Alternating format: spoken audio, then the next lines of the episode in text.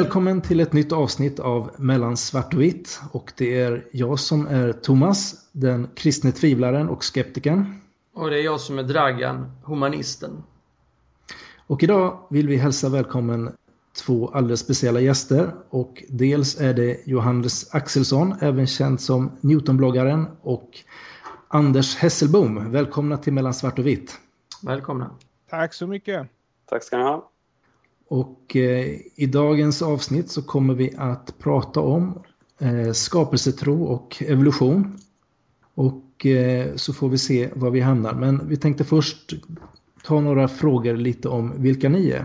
Ja, och då tänkte jag fråga Johannes här, för de som inte känner till det. Kan du berätta lite kort om dig själv? Um, ja, uh, jag är ju då matte och NO-lärare på högstadiet. Um, har jobbat några år och uh, jag är kristen, har i stort sett varit det sedan jag var liten kan man säga. Mm. Um, ska jag säga någonting också om uh, hur jag blir intresserad av just den här frågan med... Ja, det kommer. De frågorna kommer sen. Då sparar vi den. ja, precis.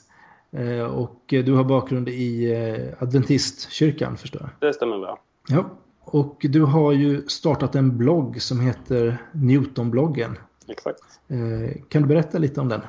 Ja, det började väl med att jag deltog i lite olika debatter och så på Facebook och på olika debattforum. Och till slut så kände jag att, att eh, det här skulle man kunna utveckla. Eller istället för att man bara skriver privata meddelanden till någon så tänkte jag det här kan jag ju liksom börja skriva så att fler kan, kan höra det också och få del av det och vara med i diskussioner. Eh, så därför bestämde jag mig till slut för att starta den bloggen, då, Newtonbloggen. Anledningen till att jag valde just det namnet var ju för att visa på en, eh, som jag ser upp till och väldigt känd eh, forskare då, Newton, som dessutom var skapelsetroende. Mm. Så det var därför jag valde det namnet. Hur uppkom ditt intresse för skapelsetro? Ja, jag har väl som, som jag sa så har jag varit kristen sedan jag var liten. Mm. Sen när jag väl kom, började i gymnasiet, eller först, allra först i högstadiet kan man säga, det var då jag kom i kontakt riktigt med eh, evolutionsteorin. Eh, mm. Inte i biologiämnet konstigt nog, utan det var i historieboken där man, de började med att visa så människans förhistoria och så visade de olika Homo erectus och och Homo neanderthalensis och så vidare. Det var då som jag liksom verkligen började tänka efter. Lite konstigt egentligen att de inte hade tagit upp det tidigare med tanke på hur hypat det är idag. Okay. um, och det var inte att jag gick på en kristen friskola eller så. Gymnasiet mm. gick jag i en kristen friskola och då tog vi upp det. Och det var då jag mest liksom började brottas med det här och, och fundera. Kan man säga att det var nog skapelsetroende hela tiden. Men eh, jag trodde väl ett tag att evolutionsteorin hade ett ganska så starkt case. Mm. Um, ända upp till universitetet och jag började läsa evolutionsbiologi och eh, testade lite olika argument då, som jag hade läst bland annat då, i Mats Moléns bok och sådär. Så jag hade väl tänkt att ja, ja, men det som han skriver, det, han kanske har överdrivit här och där, tänkte jag. Så jag testade lite. Jag hade som väntat mig att det skulle finnas tydliga, raka besked då ifrån, ifrån föreläsarna på universitetet. Men istället så bekräftar de det som, som jag hade läst och hört. Mm. Eh, och det var då jag verkligen började fundera över hur starkt caset egentligen är för evolutionsteorin. Och, eh, sen så startade jag bloggen också då lite som ett steg i att eh, fortsätta lära mig och undersöka vad det fanns för argument för och emot. Även om man kan säga att jag hade i princip bestämt mig men eh, ju mer man sätter sig in i det här desto mer lär man sig förstås. Men när du eh, pluggade då och läste evolution, vad, vad var det då för evolutionsprocesser som du inte accepterar eller tror på? Man kan väl säga att jag var, var skeptisk till, eh, till de flesta, allting i stort sett som hade med evolutionsteorin att göra men jag, ville, jag såg det som en chans att, att verkligen pröva och se i en akademisk värld håller de här Eh, argumenten som jag har fått med mig från skapelsetroende. Och eh, till min stora förvåning, eller jag hade ju hoppats att de gjorde det, men till min stora förvåning så höll de mycket bättre än vad jag hade väntat mig då. Eh, och fick bekräftat på punkt efter punkt att en del saker som, som tas upp då, att det fanns inget svar på det. Till exempel så frågade jag vad fanns det för mellanformer mellan, alltså då i, i fåglarnas utvecklingsträd. Eh, för jag såg att eh, i kursmaterialet som jag hade så hade man placerat in I Aeschopteryx, den Nej, kända som det finns bild på överallt. Eh, man hade placerat den i en gren för sig. Då började jag fråga, jag trodde att den var en, en mellanform. Det hade jag i och för sig läst att Mats Molén sa att en del forskare sa att det inte var det längre, men jag tänkte att vad säger akademikerna här? Eh, och de sa att eh, nej, den är inte längre ett förslag på mellanform. Och då frågade jag, okej, men vad finns det nu för förslag på mellanform i fåglarnas utvecklingsträd? Nej, det finns inga, sa de.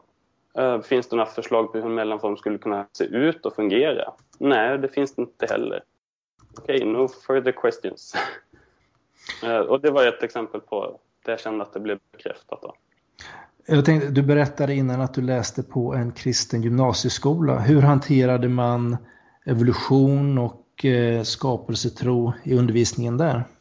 Skapelsetro kom, kan man väl säga, enbart in genom att man hade en temadag då det var en eh, skapelsetroende forskare som kom och berättade. Jag tror det var bara en gång under de där tre åren. Annars så, så var det i själva undervisningen så handlade det ju enbart om evolutionsteorin. Då. Mm, Okej. Okay. Eh, hur mycket tid lägger du egentligen på, på Newtonbloggen? Ja, det är väldigt olika förstås. Men jag önskar, vad ska man säga, inte så mycket som jag önskar. Nej, okay. Men ändå är det väldigt mycket. Men hur mycket är det då? Kanske några timmar per dag. Ibland, någon dag så blir det inte alls och någon dag så, så blir det lite mer. Och en del inlägg tar ju längre tid att skriva än andra. Mm. Okay. Vad är det som eh, driver dig att lägga ner så mycket tid på den? Alltså det finns ju så otroligt mycket att skriva om. det finns eh, så mycket man skulle vilja berätta och saker som jag läser och man tänker det här skulle jag vilja skriva om på bloggen. Eh, det stora problemet för mig är att hitta tiden. Man vill göra det ordentligt också.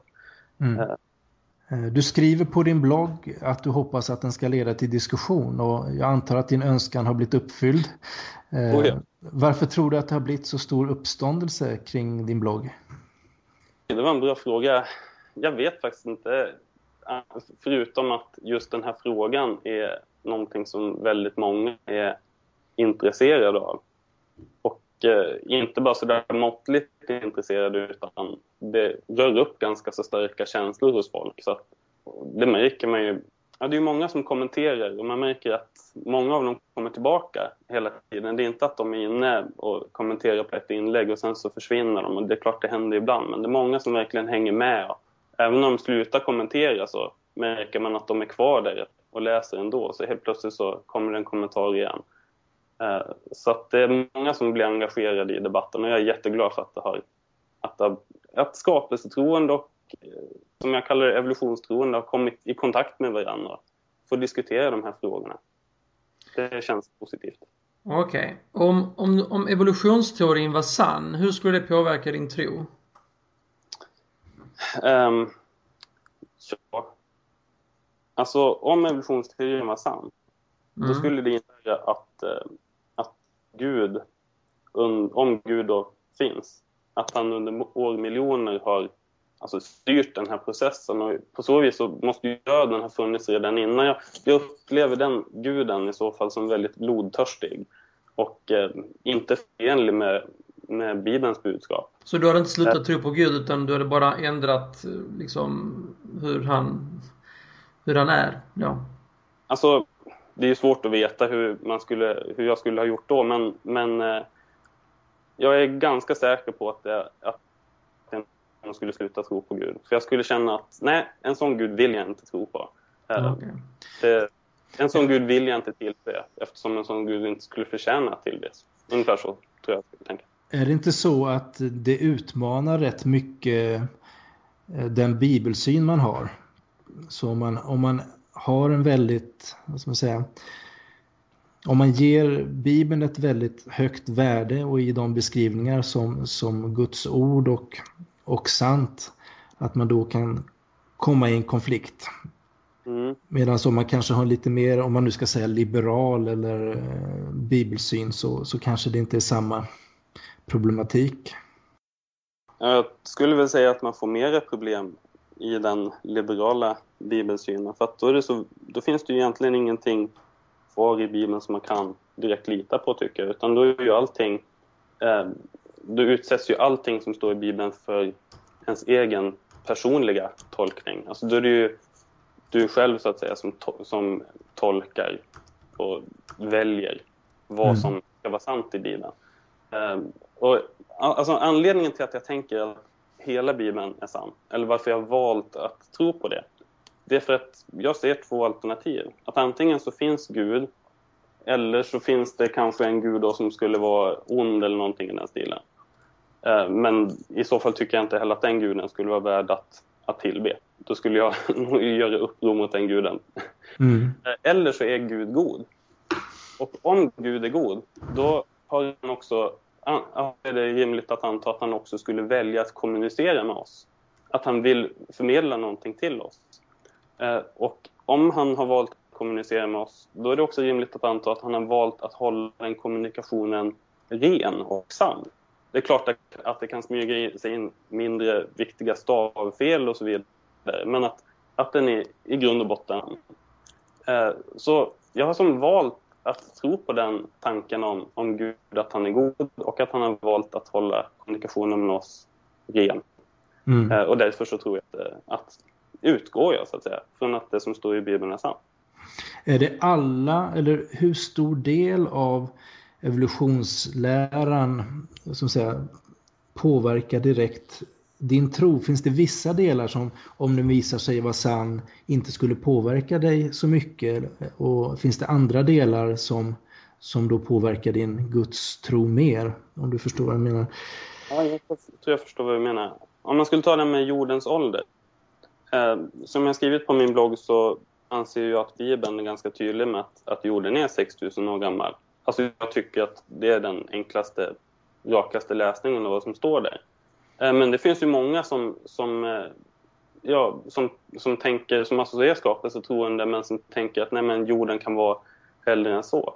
Om det skulle visa sig att jorden faktiskt var äldre än 6000 år så skulle inte det påverka nämnvärt Alltså förutom det här med om det skulle vara jättemånga år av evolution och utveckling och så, att det har funnits död för i syndafallet. Mm. Men om vi skulle säga att själva jorden och materien var äldre, eller att universum är äldre än 6000 år, mm. så har ju inte det direkt någon betydelse så sett. Förutom att jag kanske skulle börja bli lite konfunderad och, och undra, och vilja forska närmare. Jo, och, och kanske då att eh, man kanske skulle fundera på hur bokstavligt man ska ta vissa saker som när det pratas om, om dagar och liknande då i skapelseberättelsen kanske. Jo, precis. Ja, man skulle börja fundera men, men eh, om man säger att man kan säga att som skapelsetroende så är jag ju inte beroende av en viss ålder på jorden, även om jag föredrar och, eh, liksom 6000 år. Men i ett evolutionistiskt perspektiv så får det inte vara så lite som 6000 år. Där är man ju beroende av att det ska vara väldigt, väldigt lång tid. Ju, ju mer, desto bättre. Okej. Okay. Okej, okay. ska vi ta lite frågor till Anders nu? Så... jag har faktiskt en till. Eh, och eh, det, varför tror du att evolutionsläran har en sån stark position? Eh, är det människans försök att förklara bort Gud eller är det bara sund vetenskaplig metod som har gjort det eller är det påverkan av onda andemakter eller hur ser du på det? Ehm, jag tror ju att ehm, Dawkins har rätt när han säger det att evolutionsteorin, eller Darwin säger han, gjorde att det var intellektuellt hederligt att vara ateist. Ehm, sen så vill jag hävda att eh, när man tittar närmare i det hela så, så tycker jag inte alls att det håller. Men det verkade hålla då. Och många tycker att det verkar hålla idag. Så att, eh, jag menar före Darwin så var det mycket svårare att säga att man var ateist för att då blev man inte riktigt tagen på allvar. För att det var ju så uppenbart, allting runt omkring om eh, var skapat. Eh, det var ju många forskare på den tiden som var skapelsetroende och som, eh, som liksom visade att Darwin hade fel. Men eh, på något vis tror jag att bland de som ville, alltså inte ville tro på Gud, så fanns det då en, aha, här har vi någonting. Det här, och så vill man hålla fast vid det. Att det blev som en, en, eh, en religion i stort sett. Mm. Och, och tror du det också är en, drivkraft bland alla forskare som studerar evolutionsteori att, att förklara vårt ursprung eh, på ett sätt som eh, ja, inte behöver någon gud? Jag vet inte egentligen hur många forskare som, eh, som är, har bestämt sig för vad de tror. Mm. Men man säger så att det rådande paradigmet just nu inom forskarvärlden är ju evolutionsteorin. Mm. Det är väldigt mycket som spelar in att det, att det kan vara svårt att, eller jag vet att, att det är svårt att, att då komma och föreslå någonting som inte passar in i det paradigmet. Då blir man förlöjligad och, och utestängd ifrån forskarvärlden. Okay. Så att det är mycket som spelar in, precis som det var på, på eh, ja, inte Newtons tid, men på Galileis tid. Att eh, då var det ju Aristoteles världsbild som, som rådde. Och när han då kom och presenterade en, en annan syn på, på saken, att, att det var jorden som kretsar kring solen, så var inte det så populärt och det tog lång tid innan man accepterade det. Lite så känner jag att det är idag. Okej. Okay. Japp. Då går vi över till Anders tycker jag. Eh, Anders, kan ja, du berätta lite kort om dig själv? Ja, lite, lite kort då. Jag, eh, Anders Hesselbom eh, kommer också ifrån ett kristet hem men eh, har väl utvecklats till skeptiker under de senaste åren och eh, har väl aldrig varit någon entusiastisk gudstroende person och är idag en, en eh, vad brukar man säga, en nyateist. En sån här som eh, kritiserar religion och, och ifrågasätter allt i tid och otid. Så du vill, du vill använda det ordet, alltså nyateist i alla fall? Ja, jag har precis klämt den här boken Gudans kritiker av bland annat Mats Selander och jag känner att eh, vi har nog en plikt att kalla oss för nyateister därför att det är så pass många av de egenskaper som utmärker nyateister som man bör ha om man ska vara en värdig liksom, kritiker och debattör. Så absolut. Är det ateismens motsvarighet till superkristen? Nej, utan jag skulle säga hade Johannes Axelsson varit eh, ateist så hade ju han varit en ny ateist eftersom han är intresserad av att delge sin ståndpunkt och han är intresserad av att, eh, så att säga, utmana sin meningsmotståndare. Så Johannes Axelsson hade ju varit en klockren nyateist, vilket jag säger för att hedra dig, för jag tycker det du gör med Newtonbloggen är klockrent. Men jag vill också säga att bara på den här Eh, replikskiftet som ni har haft nu så har jag lite motfrågor så jag tänkte om, om jag får chans att ställa dem sen också. Ja, ja, ni ska debattera sen. Vi bara frågar mm. så att säga. Så att, eh, det får ni tillfälle till att göra. Jag undrar lite Anders, eh, hur uppkom ditt intresse för att debattera just skapelsetro och evolution? För det har du gjort en hel del. Ja, ja, mitt intresse för evolution, jag ska faktiskt säga att utav oss två så är Johannes Axelsson den som kan mest om, om evolution. För mig så var det så här att jag jobbar ju med eh, dataprogrammering och blev extremt fascinerad över hur användbara evolutionära algoritmer är. Eh, det vill säga att man kan låta en kod förändras från generation till generation av sig själv och bli alltså betydligt mycket mer användbar och syftesenlig än vad en kod som en människa skulle kunna skrivit var. Va? Så jag blev fascinerad för de evolutionära algoritmerna och, över att de var så oerhört användbara som de var.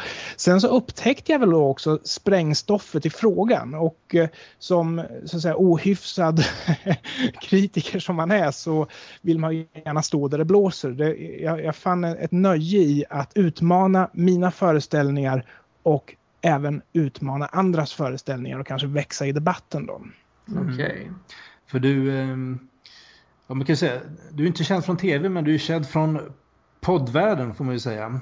Ja. Både i Skeptikerpodden och i Radio Howdy och jag vet att du hade ofta inlägg i Skeptikerpodden och ett tag så tyckte jag det kändes som att alla handlade om eh, om evolution och skapelsetro tänkte kan han inte lägga av snart. Ja. De som men... har sett mitt namn har väl antagligen läst min blogg också eller läst lokalblaskan då för det är ju där det blåser hett ibland också då. Men det som jag tänkte på i det sammanhanget i och med att du ägnade så mycket tid åt det um, Vad, har du stött på det här nära dig? Alltså, alltså, har du personer i din närhet som är skapelsetroende som du har debatterat mycket med? Eller vad, Nej, men jag hade förmånen däremot att eh, introducera en god vän som också var programmerare, eller också är programmerare, i konceptet med evolution och vad det egentligen är tänkt att man ska använda det till. Och han tog det här så mycket längre än vad jag någonsin skulle kunna göra. Så vi äggade lite grann varandra med att se vad man kan göra med en blind process som får liksom fortgå i generationer. Så jag har inte någon eh, nära vän som är skapelsetroende eller sådär utan eh, de skapelsetroende som jag diskuterat med på nätet, bland annat Göran Schmidt, det är personer som inte jag känner eh, utan vi har liksom upptäckt våran polemik så att säga och eh, sökt varandras eh, så uppmärksamhet genom den vägen. Men jag känner, känner inte dem personligen. Okej. Okay. Eh, det här intresset som du har då, hur mycket tid lägger du ner på det? Ja, det är ju ganska mycket tid. Jag har ju vuxna barn va? så eh, jag har ju fritid till förfogande så att säga. Eh, det är en konkurrens med att umgås med min hustru och på att testa saker och att ifrågasätta saker. Okay. Vem vinner i den konkurrensen? Ofta så vinner nog debatten. Ja. Eh, men då å andra sidan så uppskattar jag tiden med hustrun betydligt mer istället sen, när det väl blir. Ja, precis. Hur skulle det påverka dig om, om flera av de här argumenten som, som Johannes lägger fram eller som läggs fram av skapelsetroende om de skulle visa sig stämma? Mm. Jag är ju lite grann van med att jag får ändra uppfattning och jag är lite grann van med att man kan ha fel ibland. Eh, jag skulle inte bry mig det minsta om det visade sig att evolutionsteorin var falsk och att det visade sig att vi till exempel var skapade eller att det kan vara någonting annat som är sant. Vi kan ju ha en, ytterligare någon annan historia. Eh, däremot så skulle jag ju bli väldigt, väldigt förvånad. Men jag vill också säga som, eftersom jag inte är evolutionsbiolog eller något sånt här, så ska jag ju säga att jag har sett evolutionsteorin från det användbara perspektivet. Att jag menar att evolutionsteori är en teori god nog att förklara livets mångfald. Däremot så är jag ju inte helt införstådd i alla aspekter av DNA-bevisningen till exempel. Så det betyder att jag tror att en evolutionsbiolog skulle nog bli mer förvånad än jag om det visar sig att evolutionsteorin i grunden är felaktig. Men jag är van att ha fel och jag är van att ändra mig. Okej. Okay. Jag tänkte så småningom här så ska vi debattera eller samtala om två ämnen. Eh, och det ena handlar om mikro och makroevolution och det andra handlar om människans uppkomst. Men innan dess så tänkte jag då kan ni få ställa några frågor till varandra utifrån det vi har pratat om, om hittills. Och, ja, får jag börja då eller? Det kan du få göra. Ja. och först en kontrollfråga Johannes. Du tror på en gud som kan och gör interagera med sina undersåtar? Ja. Bra. Ehm, skulle det vara så att mer tid är inte alltid någonting som behövs därför att ibland så kan det ju vara väldigt konstigt att en art inte har förändrats speciellt mycket under väldigt, väldigt lång tid. Så mer tid borde ju kunna skapa vissa frågor ibland också. Kan du hålla med om det? Jo, definitivt. Ja, ja, så mer tid, det är, det är, inte så att mer tid är någonting som man alltid vill ha. Eh, sen så skulle jag vilja fråga dig om du har funderat på om det kan finnas fler alternativ än, än två. Därför att vi har ju en enda vetenskaplig förklaring till arternas mångfald. Men vi har ju väldigt många religiösa. Så därför undrar jag, är du beredd att acceptera att det kan finnas fler än två förklaringar till arternas mångfald? Um, alltså, jag står fast vid att antingen så finns ju Gud eller så finns Gud inte. Men eh, ja, men fler liksom, alternativ till arternas mångfald. Till arternas mångfald. Kan du förklara lite mer hur du, hur du menar? Låt säga nu att hinduerna hade rätt när det gäller sin skapelsetro där Bibelns gud överhuvudtaget inte är inblandad i ekvationen. Um, och det, det, finns ju fler religiösa modeller och det finns ju vetenskapliga teorier som har visat sig vara mer eller mindre felaktiga. Va? Så accepterar du att det kan finnas mer än två så att säga, förklaringar till arternas mångfald. Men givetvis bara att en är rätt. Va? Eller närmast sanningen skulle jag säga. Men kan du acceptera att det finns fler än två alternativ vi diskuterar? Uh, alltså för mig så är det ju bara två alternativ som är intressanta att diskutera. Men jag är medveten om att det finns ju väldigt många människor som, som tror på annat sätt.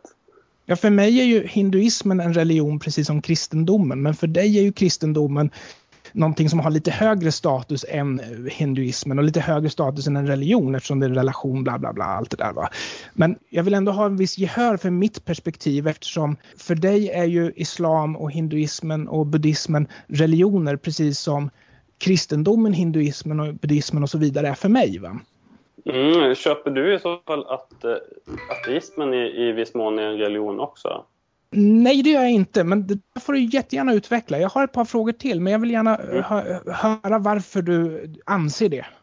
Alltså, åtminstone så får man ju säga att det är en livsåskådning. Alltså, det är ju ett sätt att betrakta eh, vår omvärld, så att säga. Naturalismen är ju en livsåskådning skulle jag nästan kunna säga. Ja. Och eh, om du tror eller inte tror på Gud kan ju lite grann vara en sak där. Men om det är så att du tror att det inte finns någonting bortöver det naturliga så är det en annan sak som är lite grann utav ett subset utav ateismen. Va? Du tror att allting har naturliga förklaringar, att verkligheten har en naturlig plats och så vidare. Ja, Men ateismen är ju frånvaron av en gudstro och egentligen inte en religion. Eller? Um, ja, alltså det finns olika, olika definitioner där också. Um, jag vet inte om det skulle vara korrekt att, att kalla dig och andra för antiteister. Jo, det eh, skulle det vara. Eftersom ni, jag, jag, vet inte vad jag ska säga, vilka jag ska säga, men att många tar avstånd ifrån tron på att det skulle finnas en gud. Och, mm. Jag menar, ta till exempel eh, Dawkins som, som liksom starkt säger att Bibelns gud kan inte finnas för han är, är si och så. Jag vill, jag vill då, då tar man ju tydligt avstånd ifrån det. Eh, Får jag knyta an till det, så bara kommentera det, för jag vill ge dig rätt på den punkten. Därför att en sten har ju ingen anledning att identifiera sig som ateist. Därför att en sten lever ju inte i ett community där gudstro är någonting som är normalt. Va? Och i ett community där ingen tror på Gud är ju rent definitionsmässigt alla ateister. Men det är ju ingen som har någon anledning att påpeka att den är ateist därför att det finns ju ingenting att förhålla sig till. Men är det så att vi lever i ett samhälle där det förekommer personer som tror på Gud och det förekommer personer som inte tror på Gud så är det ju rent praktiskt att ha ett namn på de som inte tror också så att man vet vilka man pratar om. Men i själva verket så har vi ju inget namn på icke-frimärkssamlare. Vi har ingen som identifierar sig som icke-frimärkssamlare därför att de flesta lever i ett samhälle där ingen samlar på frimärken och samlande på frimärken är inte associerat med någon speciell liksom, inflytande eller makt eller någonting sånt där. Va? Så även om vi har en liten grupp som samlar på frimärken så behöver inte jag identifiera mig som icke-frimärkssamlare. Va? Det är ju snarare att ta avstånd till. Så jag vill ge dig rätt i att det handlar om att förhålla sig till det faktum att Gud inte finns. Ursäkta att jag avbröt dig. Ja, ja nej, men det är ingen fara. Men jag tänker att det är som ändå en, en, en skillnad där i jämförelse med frimärkssamling. Att jag menar med att jag kallar det för en religion, eh, mm. ateismen eller antitismen, eh, det är ju att det får ju även konsekvenser för ens sätt att se på människor och ens sätt att leva sitt liv och så vidare. Eh, jag menar, det finns väl ingen livsåskådning egentligen som är helt eh, neutral på så vis att vad det vi tror på, hur vi tror att världen är beskaffad, det får ju konsekvenser för hur vi lever våra liv. En annan, en annan fråga som jag hade till dig också, det var det här med, du kommenterade det här med kunskapsluckorna då, att det fanns inget svar. Skulle du säga att eh, kunskapsluckor i hur Gud skapade arterna kan räknas som bevis för evolution? Eller gäller det här med kunskapsluckor bara åt ett håll? Jag minns inte att jag sa någonting om kunskapsluckor.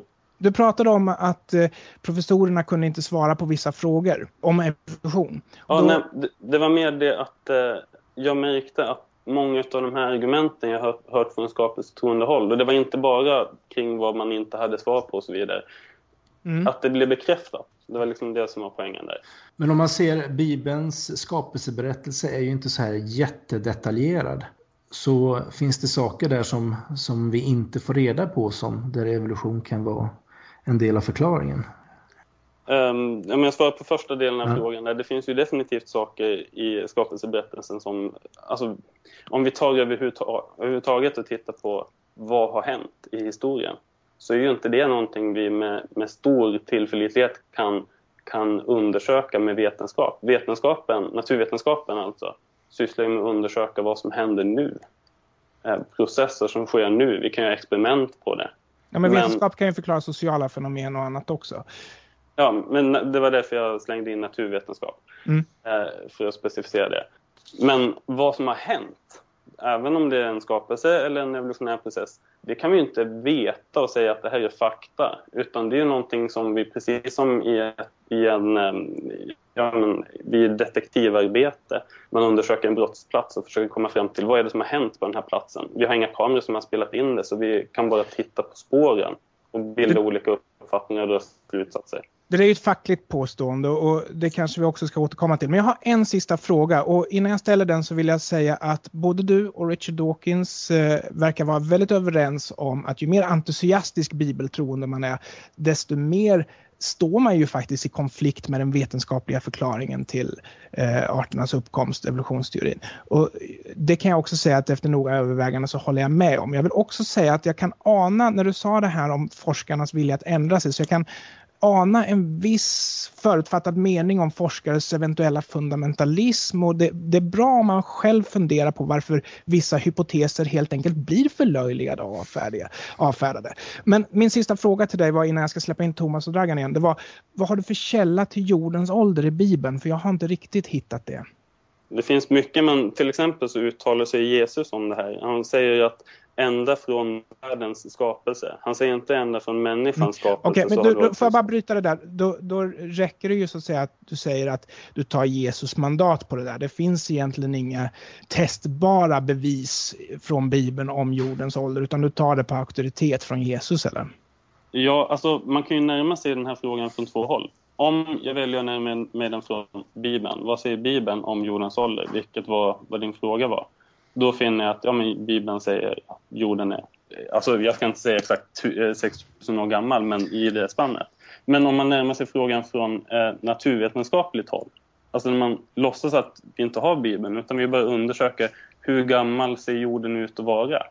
Då mm. får vi antagligen inte fram någon exakt ålder, så här gammal är jorden. Vad vi däremot kan få det är olika maxåldrar. Att till exempel jorden kan inte vara äldre än så här, eller jorden kan inte vara äldre än så här. Ja, tvärtom, man brukar ju säga att jorden är minst lika gammal som de äldsta föremålen som finns på jorden. Och eftersom det, så man får ju gå på det äldsta, för troligtvis är ju planeten äldre än bergskedjorna som står på planeten. Ja, men alltså om det finns en maxålder, man säger att det kan inte vara äldre än det här. Så mm. säger det någonting om, då har vi en gräns där. Och eh, ju fler sådana här maxgränser, desto tydligare Vad är det för maxgränser? Vi... Ge exempel på en sån maxgräns, för det här förstår inte jag riktigt.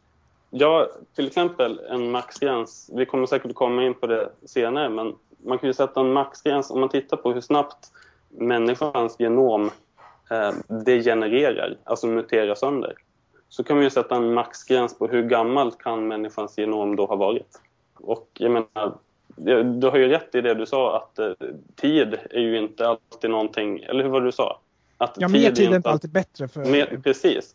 Jag håller helt med dig, för att faktum är att tid, som är det som man oftast tar till för att evolutionen ska kunna äga rum, det är någonting som egentligen är en fiende till evolutionen. Att tiden gör ju att mutationerna förstör ju den genetiska koden. Så att det, tid är inte alls bra ur ett evolutionärt perspektiv. Men jag antar att när du pratar om eh, Bibelns datering av jordens ålder så är det via släkttavlor eh, ja. och så vidare som man i så fall räknar bakåt hur gammal jorden i så fall skulle vara. Mm. För det är, inte så att, det är inte så att Jesus säger att eh, jorden är 6000 år utan han, ja, han kanske hänvisar till, till ordet eller skriften eller så. Sen så får man räkna i släkttavlorna. Jag vill bara kommentera att det finns en självsanerande mekanism när det gäller mutationer så jag ser inte riktigt det problemet som eh, Johannes Axelsson eh, så att säga, beskrev där med mutationer. Jag vill bara kommentera det för protokollet. okay. Eh, men Johannes, har du några frågor till Anders? Um, en fråga kan jag börja med här. Um, du säger att du har utvecklats till skeptiker. Jag tyckte det var ett intressant ordval. Men just det här med skeptiker varför inte tillämpa det skeptiska förhållningssättet på evolutionen? Varför är man inte skeptisk till evolutionsteorin? För att Ans eh, jag upplever att skeptiker, skeptiker är väldigt skeptiska till många saker som jag tycker är väldigt bra. Eh, alltså olika fenomen som, som folk säger har hänt. Alltså jag tror överhuvudtaget att det är bra att man är skeptisk till, till eh, all form av vetenskap, eller som påstås vara vetenskap. Men mm evolutionsteorin, där upplever jag att väldigt många skeptiker eh, inte riktigt klarar av att vara skeptiska utan man bara liksom sväljer det. Håller du med? Jag har ju ett eh, öppet sinne där och som jag sa, jag har absolut ingenting att förlora på att evolutionsteorin faller idag. Absolut inte. Och eh, jag skulle säga att den ringa kunskap jag har om hur den här processen fungerar kommer nog mycket ifrån de kritiska frågor som jag själv har ställt. Däremot så ska jag väl också säga att jag har inte riktigt eh, jag menar, är det så att jag själv ska försöka rasa den här teorin så krävs ju att jag själv har väldigt mycket kunskap om teorin. Så jag tror inte att det räcker att vara skeptisk utan du måste ju ha en enorm kunskapsbas därför att evolutionsteorin är ju beskriven i hundratusentals peer-reviewade artiklar. Så jag kan ju inte vara så skeptisk så att jag kan välta det där. Men däremot så kan jag ju vara skeptisk så, på så sätt att jag kan ifrågasätta de anspråk som görs och få det förklarat för mig vad det är de egentligen menar. Och sen så kan jag säga att ett, evolutionsteorin är vetenskaplig konsensus. Två, de menar att det går till så här. Sen så om jag personligen så att säga, accepterar eller inte accepterar det, det är faktiskt en annan sak. Och om jag personligen vill driva en annan linje. Det är ju först då jag sticker ut hakan som du så modigt har gjort här. Va? Därför att vi skulle kunna vara överens om att vi inte accepterar evolutionsteorin. Men jag måste ju ändå erkänna att jag inte kan skälpa teorin och att jag accepterar vetenskaplig konsensus. Och det är samma sak skulle vi ha en kunskapsmässig diskussion om evolutionsteorin och du skulle vinna den med bravur så har ju ingenting hänt i den vetenskapliga sfären. Ehm, jag tror att håller du med om att det blir lite skillnad på om man tittar på argumenten i sig och granskar dem och eh, litar på att varje människa är smart nog att åtminstone värdera de argumenten eh, jämfört med om man går på auktoritet eller majoritetsbeslut att den och den forskaren säger i alla fall så här. Därför så går vi på den linjen. Nej, jag ser att det kommer fram till samma ställe för jag har som sagt eh, eh, gjort min andel av ifrågasättande och jag är inte klar med evolutionsteorin eftersom jag som sagt inte är fullärd. Jag kan ju väldigt lite om de tekniska bitarna så nej, jag tycker att det leder till samma sak. Eh, jag kan också... Skulle vilja tillägga då också, eftersom du säger det så mycket många gånger att alltså jag känner mig absolut inte heller fullärd på detta utan jag har ju precis bara börjat eh, sätta mig in i det här, eh, eller gå på djupet på det så att säga. Ja, precis, och då får du ju många, räkna med att... Jo, det finns det, många fler som är... Ja, det är därför det är så modigt som sticker ut hakan, därför att du är ju den av oss som kan få en riktig smäll offentligt här eftersom du driver en linje som inte är konsensus. Så jag menar, jag gör ju ingenting som inte, jag gör ju ingenting som kräver något specifikt mod, men det gör ju du. Men alltså, man säger så här att eh, sticka ut hakan och eh, att gå emot konsensus det låter för mig väldigt mycket som en auktoritetstro. Alltså ungefär så som man sa förr i tiden när det var eh, kyrkan, eller vad ska man säga, katolska kyrkan hade ensamrätt ja. på, på, alltså det var bara de som hade tillgång till Bibeln överhuvudtaget. Jag förklarade ju det där alldeles precis för dig att det finns väldigt mycket dokumentation eh, om hur te teorin är tänkt att fungera och vad den är tänkt att förklara som jag inte har kompetens att riv riva omkull. Det jag kan frågasätta det är ju de specifika anspråken som jag har kännedom om att anspråka och där finns som, som jag har kännedom om att ifrågasätta och där finns det svar som är bättre än att jag bara skulle kunna avfärda dem. Så jag förklarade ju det att vi har ett konsensus och jag kan ju bara ifrågasätta, ifrågasätta till den nivå min kunskap räcker. Så det är ju de två grejerna som, som gäller. Va? Jag, tänk, jag tänkte bara där eh, Johannes också. Eh, du läser ju vad jag förstår en, en hel del om de här frågorna. Läser du både eh, litteratur då från andra skapelsetroende forskare och, och även då de här andra som avfärdar skapelsetron eller man ska säga, de, de rent evolutionsteoretiska forskarna. Läser du dem med samma liksom, eh, ger du dem samma vikt? Alltså man är ju medveten om vad den personen har haft för tanke som skrev den. Och I slutändan, alltså, jag får ju definitivt erkänna att jag läser ju nu mycket mer om av vad, vad skapelsetroende har skrivit mm. och jag lägger ju mer vikt i det. Mm. Eh, men samtidigt så försöker jag anstränger mig hela tiden för att titta på själva argumentet i sig. Mm. Och, och, det tvingas jag att göra för att när jag skriver ett inlägg på min blogg och som jag läst någonting som jag tyckte var väldigt fint och snitsigt på en, på en eh, till exempel creation.com som jag tycker är en bra sida. Och sen så tänker jag efter att, nej men vänta lite nu, mina läsare, de kanske inte riktigt skulle köpa exakt den här eh, formuleringen. Jag kan inte ta det här rakt av. Jag måste titta närmare på detta och undersöka och gå till till eh, forskningsrapporterna och, och titta. Mm. Så att där tvingas jag, det är, det, som, det är därför det här är så utvecklande för mig, att, alltså sen jag startade den här bloggen, att jag får lära mig så mycket. För att jag, jag kan inte bara titta och sitta där och säga amen, det där var bra sagt. Utan jag måste ju verkligen ta reda på det för att jag kommer ju bli granskad mm. ganska så ordentligt i sommarna på det jag skriver. Jag publicerar ju artiklar om evolutionsteori och jag bedriver inte den kampen om själarna ska jag säga utan jag berättar vad det är man anser. Och är det så att min läsare inte köper det så är det fine. Därför att det jag sysslar med är ju ändå folkbildning på ett helt annat sätt än själakamp. Va? Mm. Jag vet ju också att eh, när jag gick i gymnasiet då eh, kom jag ju över bland annat eh, Mats Moléns bok Vårt ursprung. Och eh, med stort intresse läste den och även då eh, Genesis-tidningen eh, och så vidare. Eh, och, och tyckte, ja, jag tyckte också att det fanns saker där som, eh, ja, som var väldigt tilltalande för mig, speciellt med den bibeltro jag hade vid den tiden. Sen så kan vi säga att sen så har väl med tiden också på något sätt böjt mig för konsensus. Det är, det, och med den bibeltro jag har idag, så, så känner, eller Guds eh, bild och så vidare, så känner jag inte att det är någon... Eh, det är ingen hjärtefråga, själva skapelsetron, men jag vet ju liksom hur pass eh, driven jag var där ett tag, att, att eh, läsa de där sakerna, att det var väldigt tilltalande.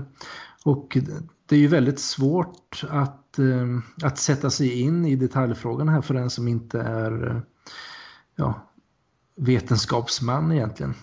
Jag, jag tror att, att det finns väldigt många som känner sådär att Nej, men jag kan för lite om det här. Och, för där finns det många andra som kan och, och insatta. Jag, jag vet inte, det känns som att vi nedvärderar oss själva, vår, vårt gudagivna intellekt så att säga, eh, genom att, att säga på det sättet att Alltså jag tror inte att det är speciellt svårt att läsa på och fundera själv. Men det är väldigt, kan, kan kännas väldigt knäckande och det tyckte jag själv under eh, universitetstiden och sådär att det är en så stor majoritet, eh, framförallt i det här landet, som eh, tror på evolutionsteorin och att, att eh, man blir så förlöjligad när man, när man kommer och säger något annat. När man förhåller sig skeptisk till en så att säga.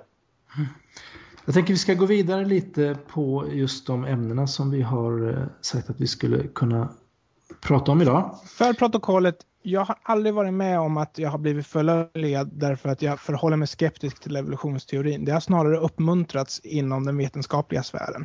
Det andra jag skulle, vilja kommentera om det, det är Eh, bland vetenskapsmän så är acceptansen för vetenskapliga teorier i allmänhet högre än i folk i allmänhet. Speciellt i länder som är eh, religiösa och som har många bibeltroende. Mm. Ibland så, så pratar man ju om mikro och makroevolution, speciellt kanske när man diskuterar just skapelsetro och evolution. Eh, vad innebär det och är det någonting som har förekommit eller förekommer det? Eh, vad säger du Johannes? Um, jag gillar inte att använda de orden. Um, första anledningen till att jag inte använde använder de orden var för att jag hade hört att um, det var någon som sa, sa så här till mig att ja, men det är bara ni kreationister som pratar om, om mikroevolution och makroevolution. Jaha, okej, okay, då ska jag inte använda de orden tänkte jag. Det kan ha varit jag. jag vet inte, jag tror det var länge tillbaka. Uh, men sen så märkte jag att uh, det verkar ju som att evolution, att det framförallt är evolutionister som använder de begreppen. Eh, vad jag föredrar att säga det är att nej, jag tror inte på evolution eftersom evolution handlar om utveckling. Alltså att det tillförs någonting, någon ny information som inte har funnits tidigare. Eh, nya organ, till exempel vingar där det inte fanns innan och så vidare. Medan jag istället då för mikroevolution skulle vilja använda ordet variation. Eh, för det ser vi, det vi, kan vi observera runt omkring oss, att det finns massvis med exempel på att i det genetiska materialet så finns det inskrivet möjlighet till en fantastisk anpassning till vår värld genom att det, vi har så, så vitt skilda gener så att säga. Ken Havinan beskriver det här med mikro och makroevolution han säger att en hund som kan få en hund som ser lite annorlunda ut men det är fortfarande en hund. Det är samma art varje gång. Och eh, där angriper han ju lite grann av en halmgubbe därför att även biologer anser ju att avkomman är av samma art som sina föräldrar. Så det där är lite grann av en halmgubbe. Men däremot eh, vad Anders, biologer... Anders, ja, skulle du bara förklara kort vad en halmgubbe är för alla vet nog inte det. Riktigt. Ja, man river egentligen inte ner det som påstås utan man, man hittar på någonting som är lättare att bemöta och så river man ner det istället. Man angriper halmgubben istället för motståndarens okay. argument. Mm. Och eh, det som vi däremot skiljer oss det är ju att biologer tror att förändring ackumuleras över generationer. Så om bara en viss förändring, en väldigt liten förändring kan ske så att säga, från generation till generation så ackumulerar ju det automatiskt då till stora förändringar över många generationer. Så det betyder att eh, den variation som finns inom en grupp den kommer aldrig kunna vara så stor att en art föder en annan art. Men är det så att vi tittar på en snapshot ifrån en tidsepok och så tittar vi på gruppen långt, långt senare, då skulle vi kunna se skillnaderna större därför att då har det liksom de här små, små förändringarna gått i mycket längre led. Och eh, det här med arter då, att det är en hund varje gång, ja det stämmer. För det, även om det är så att förändringarna blir stora över många led så är det ju så att det är alltid samma art som föräldern. Men vi ska ju komma ihåg då att artindelningen är gjord retroaktivt när den här förändringen redan har skett. Så att vi kan titta på en hund som den ser ut idag och jämföra den med en katt som den ser ut idag och konstatera att det här är två olika arter. Vi har ju inte tittat på hur de blev en hund och en katt när vi gjorde artindelningen. Vi bara konstaterar att enligt de definitioner vi har är olika arter. Va? Och det skulle man då kunna säga att en utdöd art eller förlåt mig, vi kan säga så här. En art som har evolverats under väldigt lång tid en grupp av individer som har evolverats under väldigt lång tid som kanske inte har delats eh, kommer ju ändå se väldigt, väldigt olika ut idag mot hur de såg ut förr. Och det kan ju också vara det som jag var inne på i början att ibland så kan det vara förbryllande hur lite vissa arter har eh, förändrats trots att de har levt i så många generationer. Men makroevolution då, det skulle då vara att små förändringar ackumulerar till stora förändringar över tid. Ja, precis. Jag håller, ju, jag håller ju med om den här biten att det kan ske små förändringar, men att det är variation. Jag tror inte... Alltså när man gräver djupare i det och tänker efter vad är det som är de här förändringarna. När vi säger att det är variation, då är det ju variation av redan befintligt genetiskt material. Men det är ju inte det evolutionsteorin behöver. Evolutionsteorin behöver ju någonting nytt. Alltså att det kommer ny genetisk information. Alltså det vill säga en genetisk sekvens som kodar för ett nytt protein som aldrig har skådats på denna jord. Som kan göra någonting nytt. Tillsammans med, den behöver ju komma tillsammans med väldigt många andra proteiner som samverkar med den. Men det är en annan sak då. Men ska jag förklara varför evolutionsteorin inte funkar? Får jag det? Ja, gör, gör gärna det. Ja. Uh, för att om vi nu då tänker, om vi är väldigt generösa mot uh, evolutionsteorierna säger att det sker 100 mutationer per generation och en av dem är positiv. Man har aldrig uppmätt någon, okej okay, jag ska inte säga positiv, men någon, en, en, eh, jo, en positiv mutation som liksom var bra, så att säga.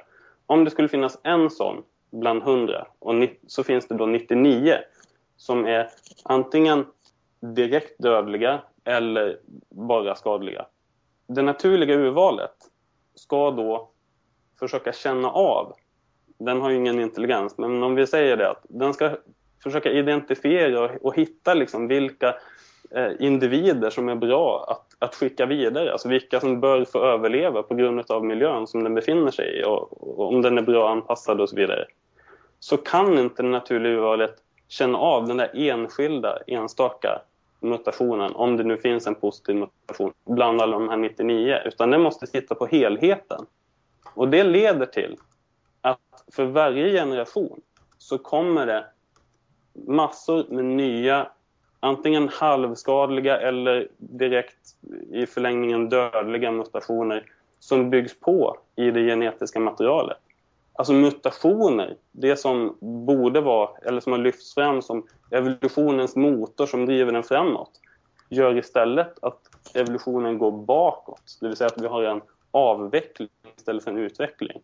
Och detta i sig falsifierar evolutionsteorin och visar att den, den är inte möjlig, i alla fall om man tittar på empiriska data, alltså det som vi kan experimentellt undersöka idag när det gäller beträffande mutationer och naturligt urval. Johannes, om du är övertygad om att det falsifierar evolutionsteorin, då skulle du ju testa det med en evolutionsbiolog för att se varför han anser att den inte gör det. Eh, ja, det har sen, jag gjort. Eh, okej, okay, och er, erkände han att eh, evolutionsteorin är falsifierad nu? Nej, han förstår inte vad jag sa. Då får du nog hitta en till tills du hittar någon. Jag, sk jag skulle säga att, att du ger större kraft åt de negativa förändringarna. Och dessutom så skulle jag vilja säga att när en förändring eh, verkligen kommer på sin spets, det är ju när miljön förändras kraftigt. För det är ju då eh, så att säga, anpassningsförmågan verkligen ställs på sin spets. Ja, jag, tyck- ja, förlåt. Säg ja, nej, jag bara säger att jag tycker att det föreligger problem i kritiken. Mm. Uh, men om man då tänker att det sker en ganska plötslig eh, förändring i miljön. Är det okej okay, om vi säger det? Ja, ja absolut. Det, ja. det, är ju ett exempel naturligtvis. Ja, men, men jag, jag, vill höra vad du säger här. Så. Ja. Eh, och det är en varelse som aldrig har tidigare varit anpassad till den här miljön. Det har kommit upp nya krav på att den här ska kunna överleva.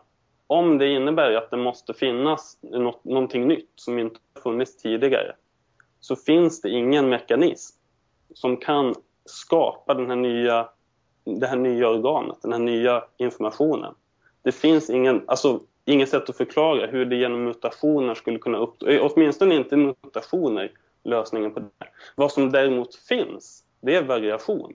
Men det är variation på redan befintligt genetiskt material. Det där håller forskarna på att göra framsteg dagligen när man upptäcker bara, wow, vad, vad snabbt det kunde anpassa sig. Hur, hur kunde det, det göra det? Hur kunde det här ändras så snabbt på bara några generationers tid?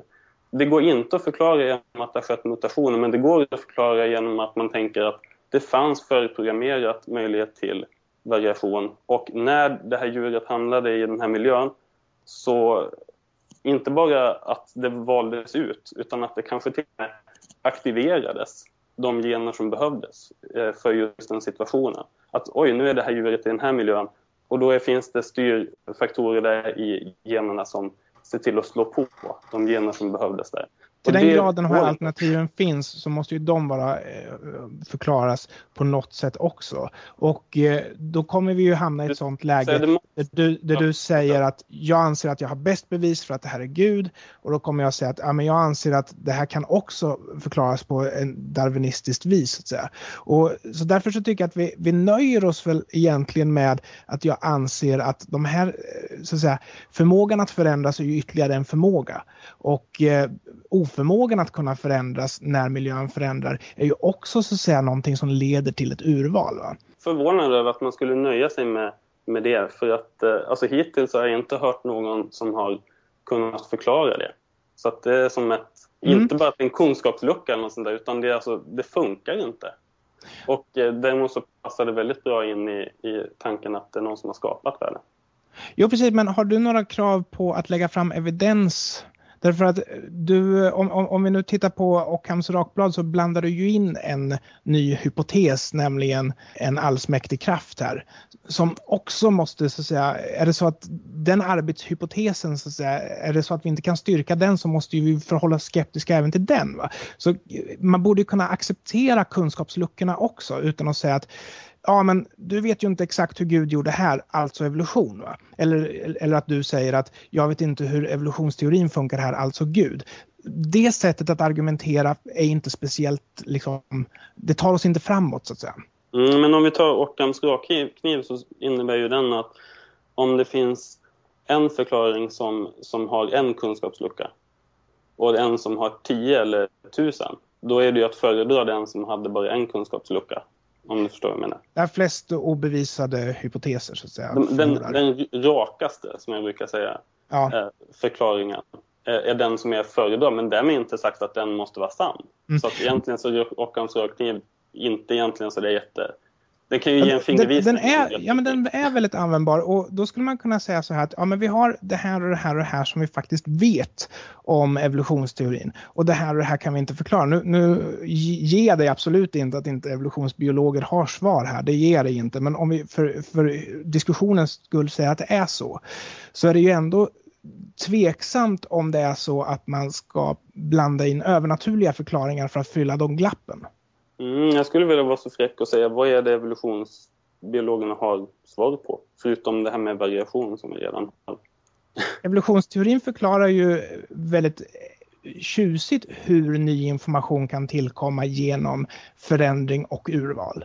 Nej, den förklarar ju hur befintlig information kan sorteras bort genom naturligt urval. Men inte hur ny information kan, kan uppkomma.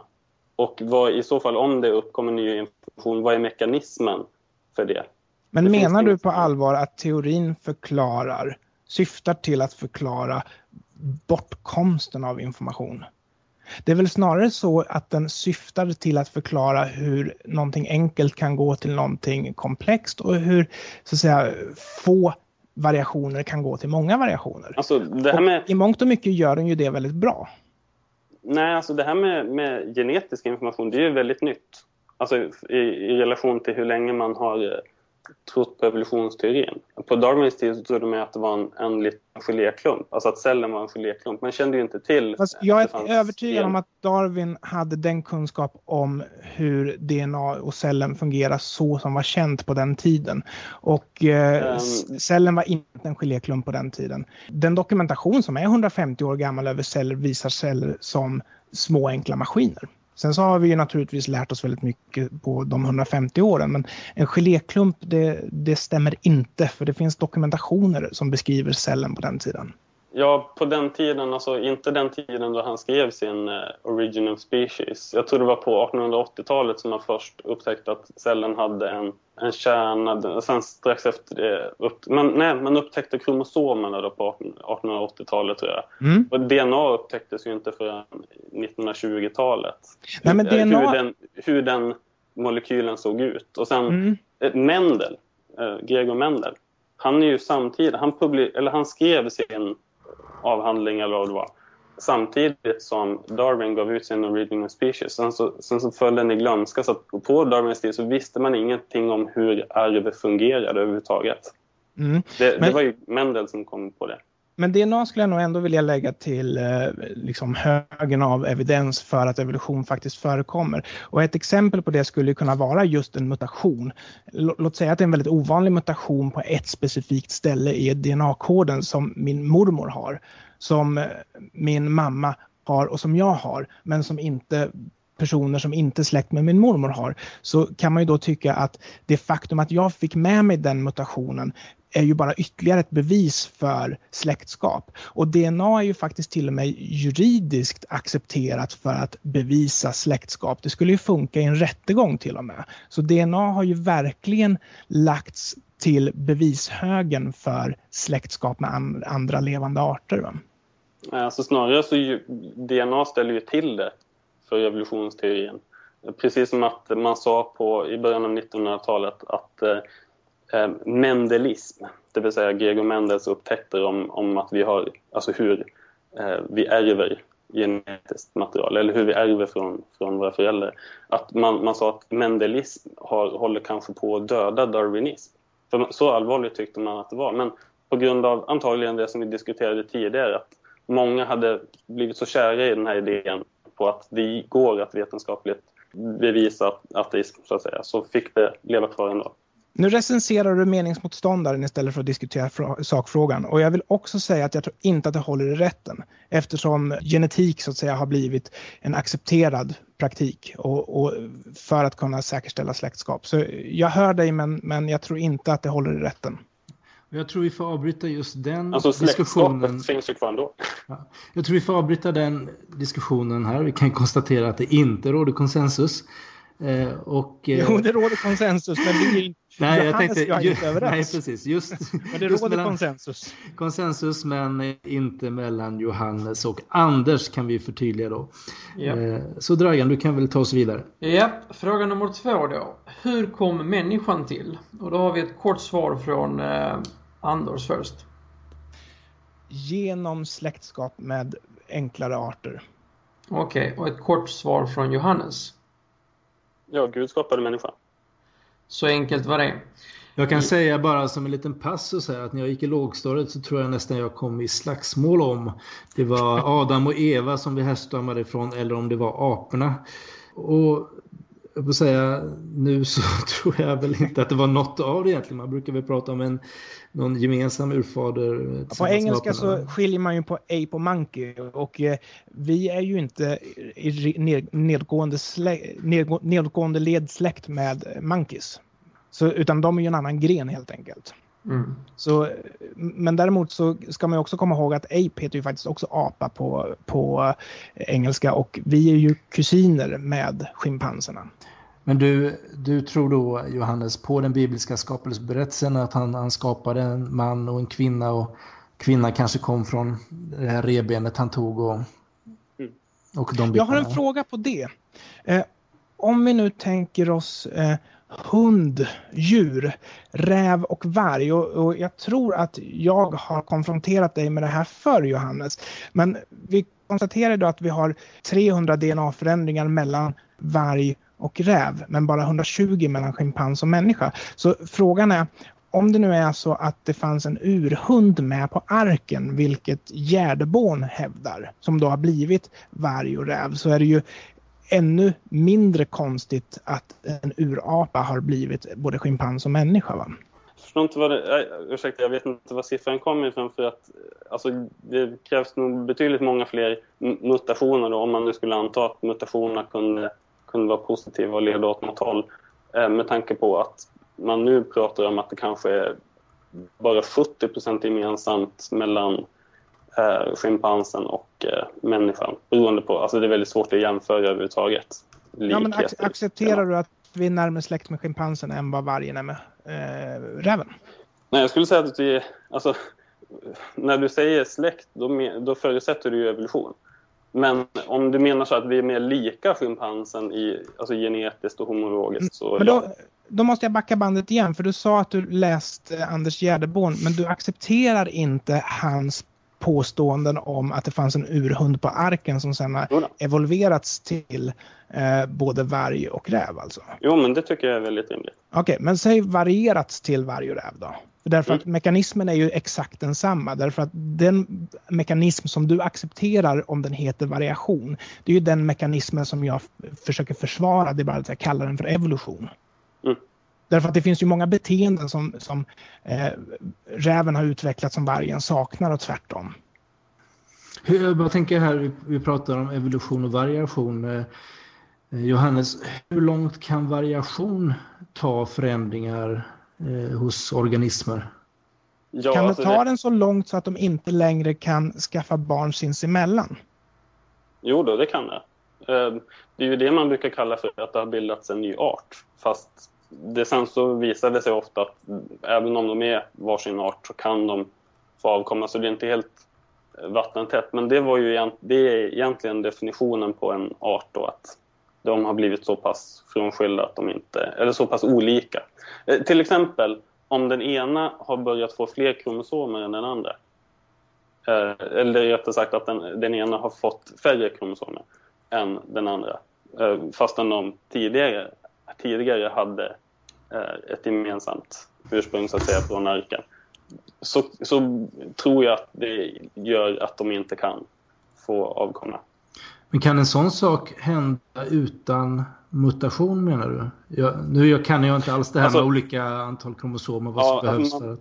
Man brukar ju kalla det för en mutation också. Mm. Eh, kan jag ju tillägga. Men, men det vi oftast menar med mutation Alltså när folk säger mutation då, då, menar man att, att det blir en, ett baspar som, som eh, byts ut. Att ett C blir ett G eller att A blir ett T och så vidare.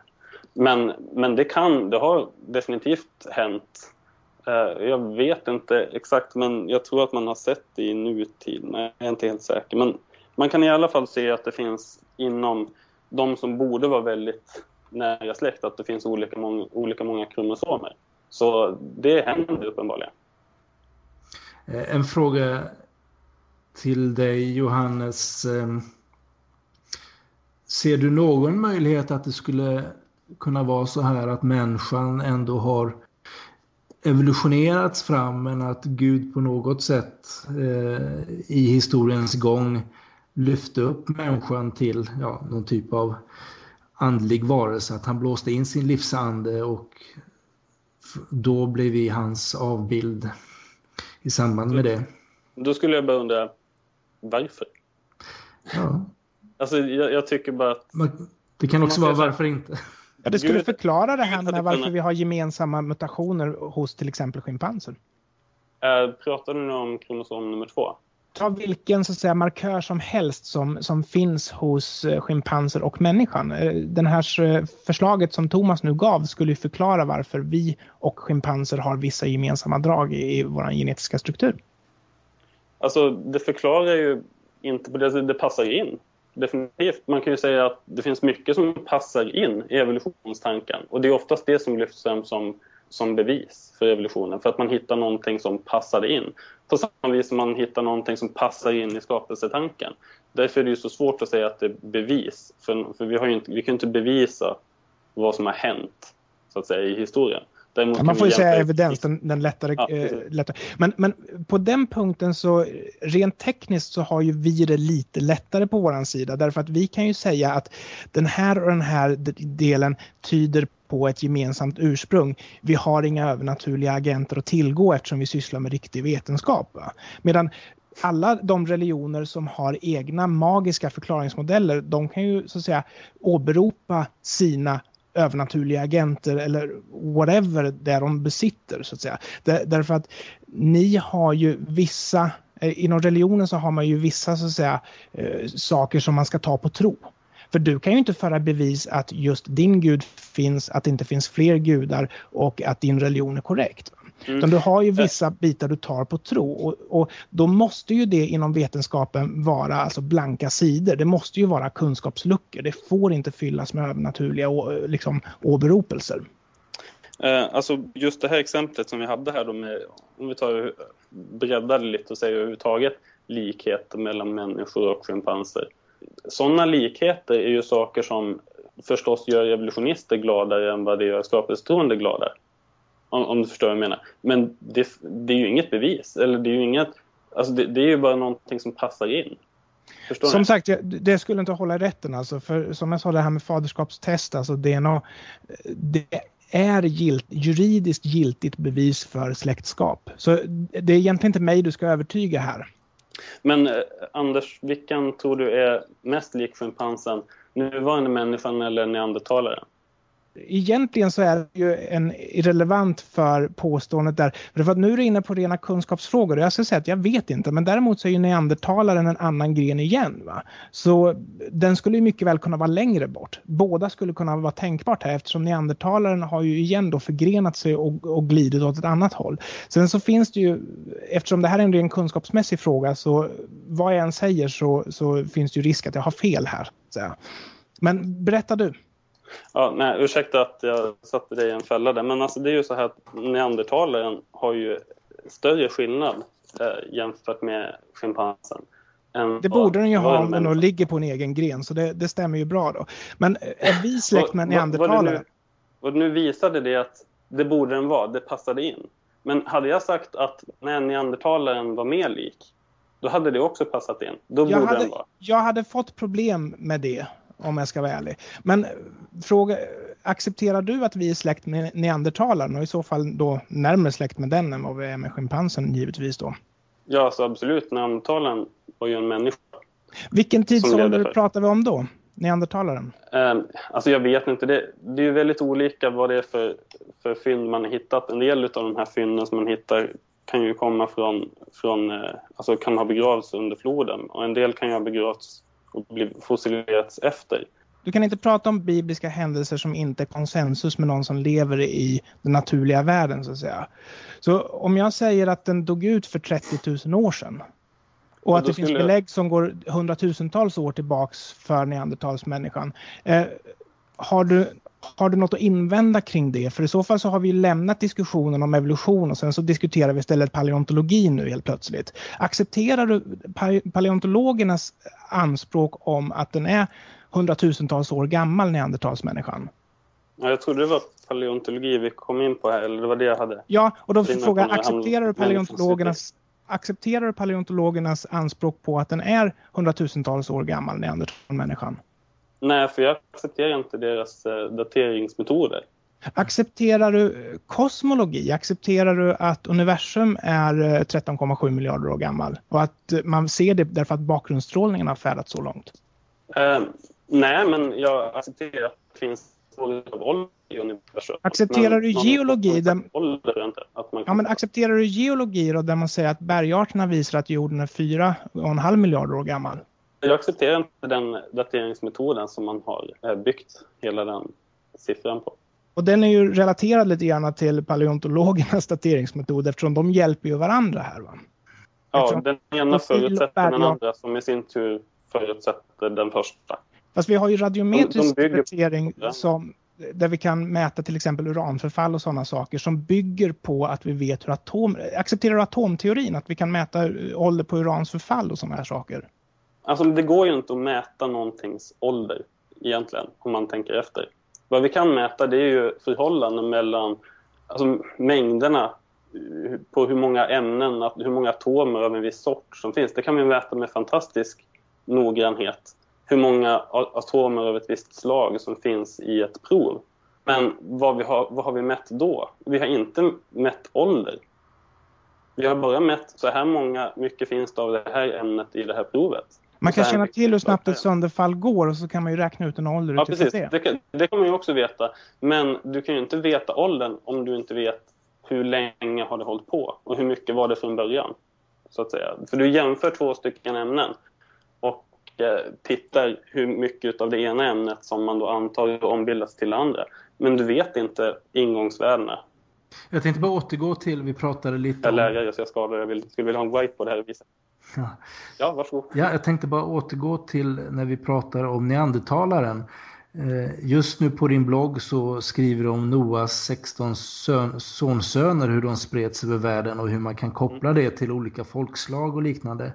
Eh, var, var det någon av de här sonsönerna då som var neandertalare?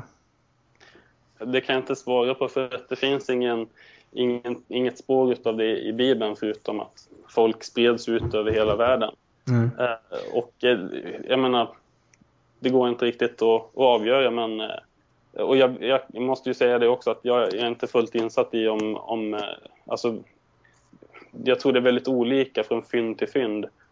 Men jag är inte helt säker på om det är före eller efter floden som den här levde. Jag, jag tror att det var efter. Accepterar du att man daterar hur gammal en glaciär är genom att eh, räkna årstidslagren i borrkärnor? Och, för det tar oss ju hundratusen år tillbaks. Alltså det förutsätter ju också att du vet till exempel hur ofta det har varit nederbörd. Säger du till exempel att ja, men varenda gång det snöade, alltså varenda lager där vi sett att det har vuxit, ja det var ett år.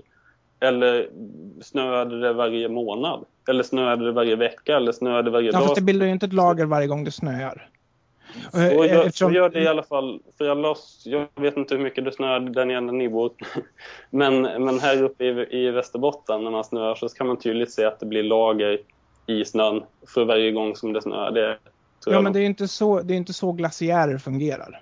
Därför att då ligger det under tryck. Men om vi tar en annan dendrokronologi, det vill säga accepterar du att träd får en ny årsring varje år? För det tar oss ju 11-12 tusen år tillbaks. Um, ja, men likadant där. Uh, en årsring, ny årsring varje år. Hur vet du att det är just ett år? Det har faktiskt i modern tid uh, upptäckts att det kan bli fler och fler årsringar.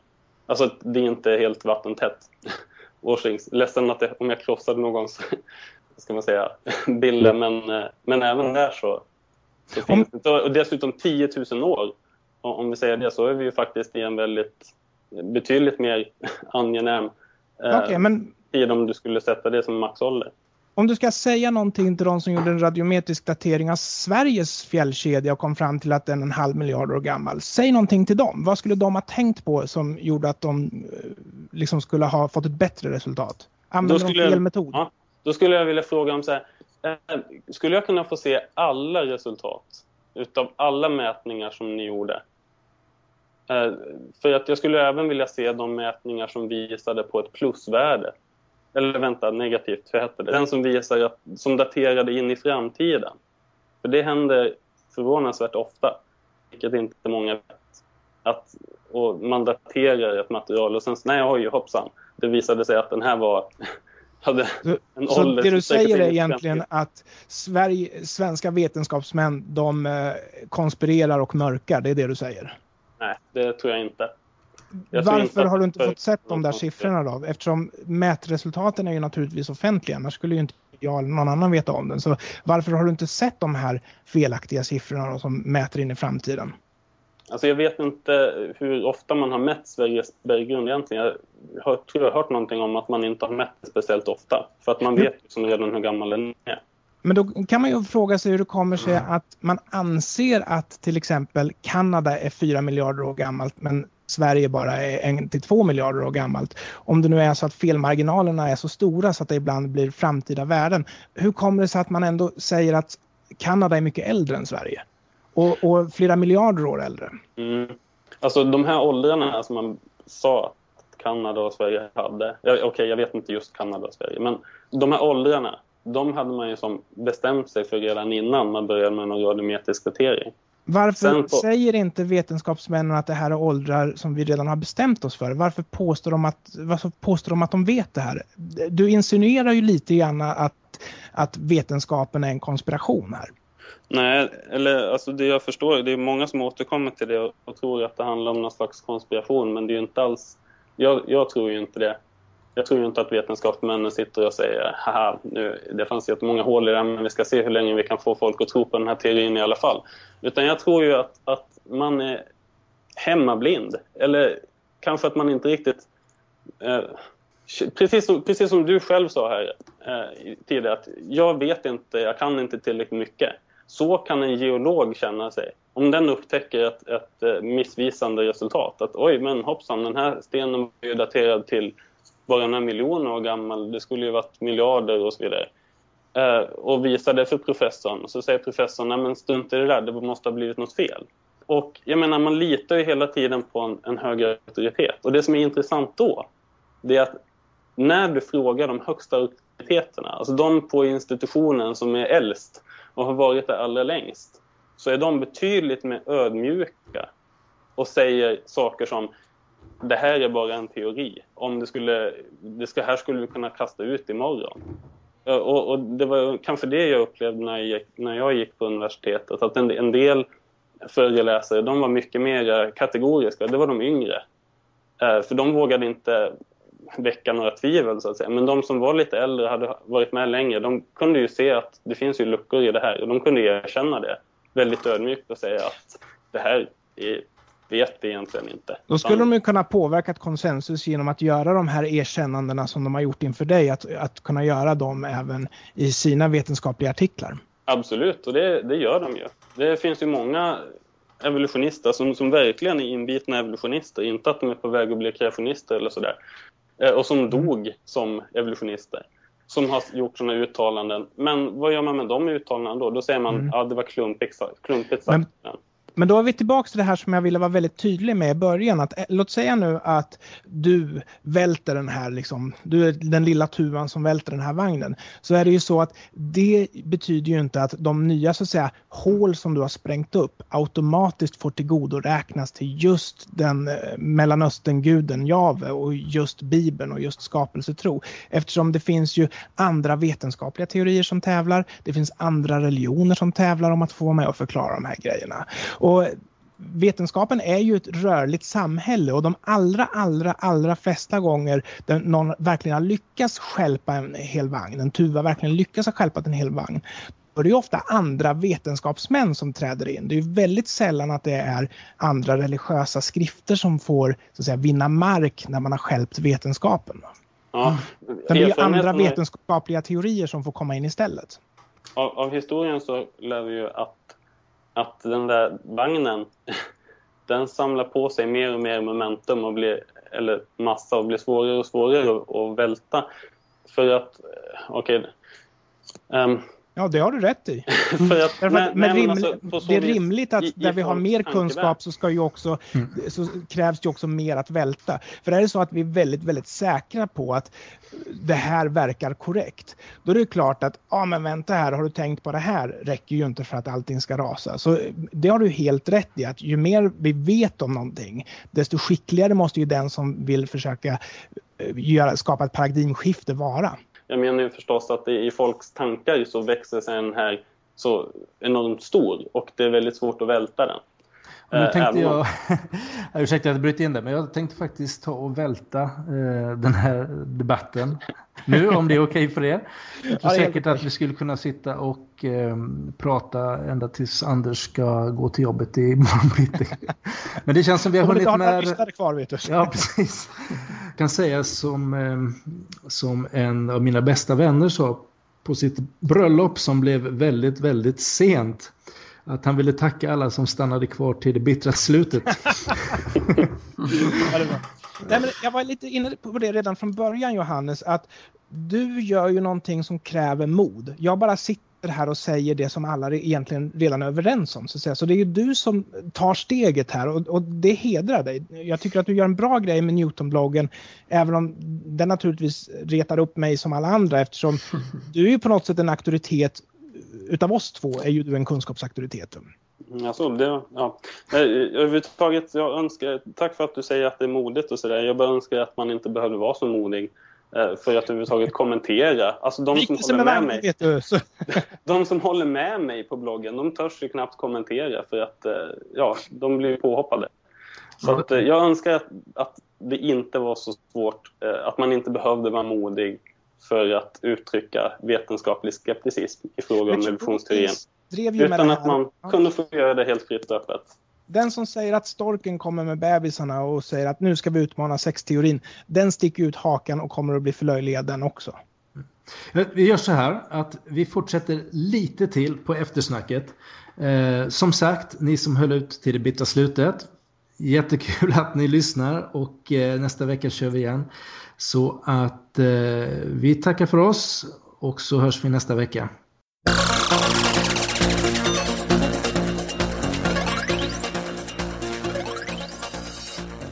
Kan börja efterstracket med att fråga en fråga till Thomas. För att vi vet ju alla var Anders och eh, Johannes står i frågan. Hur ser du Thomas på det här med evolution och skapelsetro? jag har inte grottat ner mig så mycket i det men om jag ska skjuta från höften lite här så tror jag väl ändå på teistisk evolution i den bemärkelsen att eh, jag accepterar det som av forskningsvärlden anses konsensus gällande evolutionsteorin men jag tror ändå eh, på försöker åtminstone tro på en gud som i så fall skulle ha skapat eh, naturkrafterna eller ja, de mekanismer som, som är verksamma i, eh, ja, i evolutionen. Men jag, tror, men jag, men jag kan bara säga, jag tror inte på en gud som är inne och pillar i detalj i hur evolutionen går till utan det är nog mer... Han satte en... bara igång det då, så kan man säga. Precis, mm. det är väl så som jag ser på det. Okay. Ja, ja. Jag tänkte om jag kan få fråga en sak till Thomas där ja, angående det. Uh, för jag blev nyfiken här på innan. Eh, du nämnde liksom hur du själv brottades med de här frågorna tidigare. Om det var i gymnasieåren eller hur det var. Ja, precis. Men jag var nyfiken på vad var det liksom som, som du stötte på som du kände att nej men det här eh, håller inte. Alltså vad, går det att sätta fingret på vad du så att säga övergav det du bland annat läste om i Mats Moléns bok som du nämnde? Eh, vad som... Alltså jag kan, ju, jag kan ju först säga att saker och ting som jag läste i Mats Molins bok som, som jag liksom tog fasta på det, det var ju sådana saker som att jag att jag då tyckte att det fattades mellanformer mellan olika typer av djur i, i de fossillagren och så vidare. Eh, det var väl sånt lite som man funderar på, sådana här klassiska saker. Hur kan ett öga utvecklas och sånt där som jag vet att det finns, eh, ja, det finns förklaringar på eller att det finns tankar kring i alla fall. Vad som gjorde att jag sen, eh, vad ska man säga, slutade tänka i de banorna eller sånt där. Det, jag, jag, jag tror väl lite så här att i takt med att min mer jag ska inte säga bokstavstroende, men, men min väldigt eh, bibeltroende syn i, i takt med att den raserades på gott och ont så kände jag inte behovet att, att liksom försvara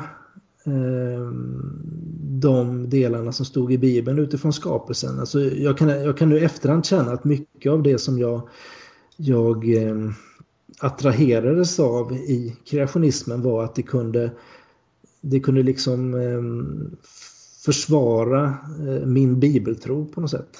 Och vilket i sin tur eh, försvarade min syn på vem Gud var och eh, så vidare.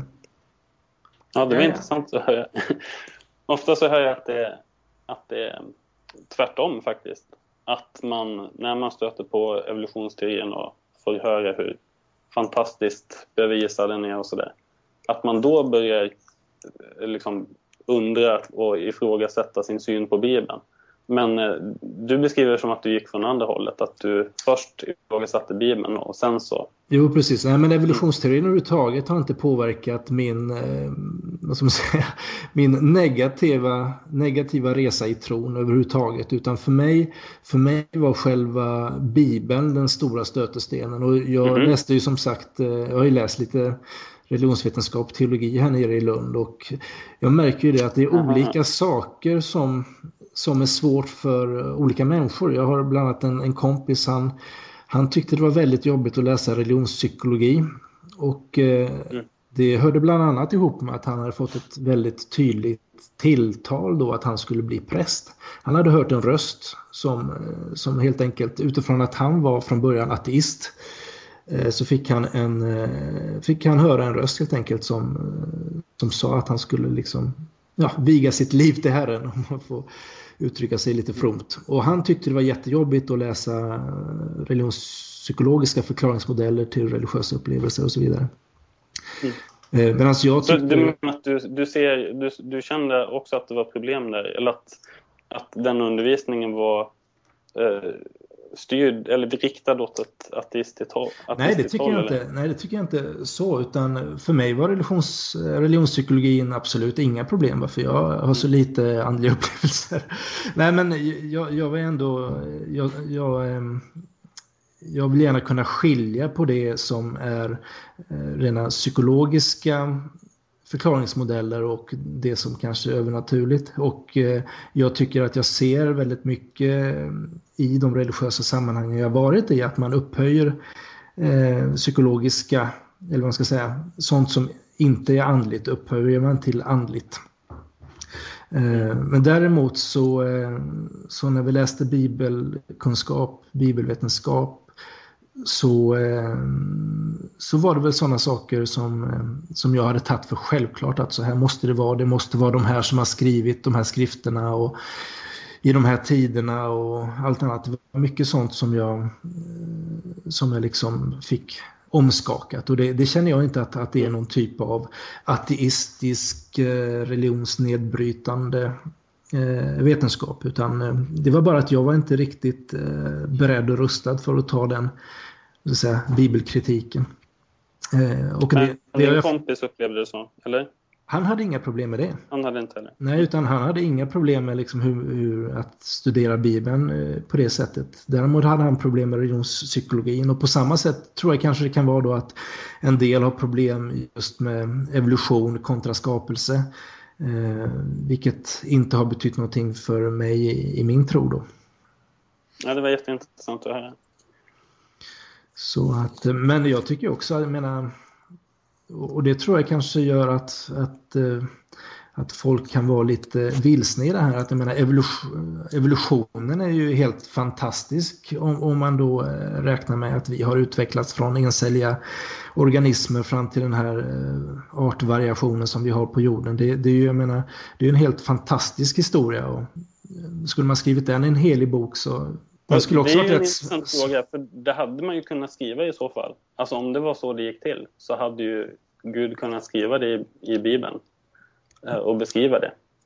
Men sen så samtidigt så eh, den uppfattning jag har är ju att, att utefter vi har studerat världen så är, är det de är det det som vi ser, det, det är de slutsatser som vi drar rent vetenskapligt.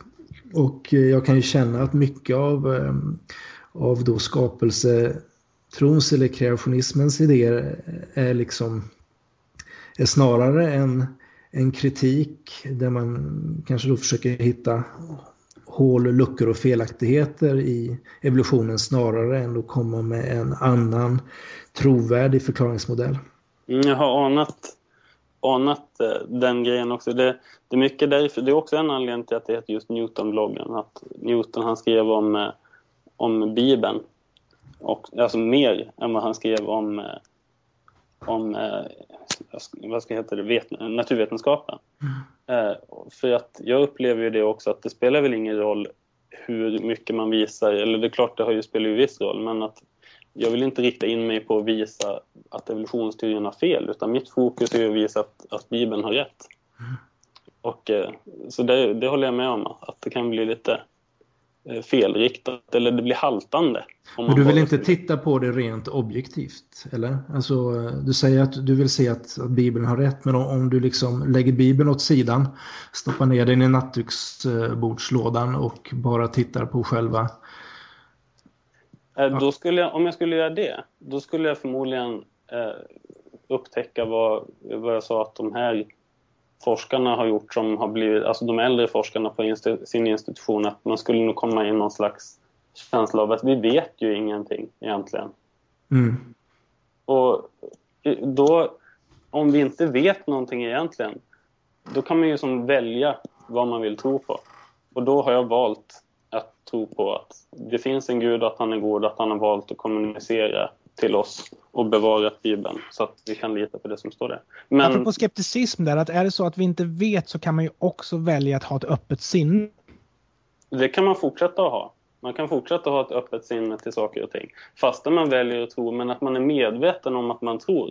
Och det är det jag upplever att många ateister inte är medvetna om att, att de tror. Eh, just för att man säger att ateism är avsaknad av tro. Det är klart att det färgar ju även forskningen. Att om man inte är medveten om att man har en tro, då, då, ja, då märker man inte det att man kanske tolkar utifrån sin tro heller. Ja, eller avsaknaden av sin tro. Där, därför att om det nu är så att vi ska åberopa övernaturliga eh, väsen inom vetenskapen så det är ju ingenting som säger att det är just de övernaturliga väsen som du tror på. Utan då blir det ju troligtvis forskarens egna övernaturliga väsen. Och grejen är att det är ju inte det som är att ha ett öppet sinne. Därför att att inte veta ska ju vara att inte veta.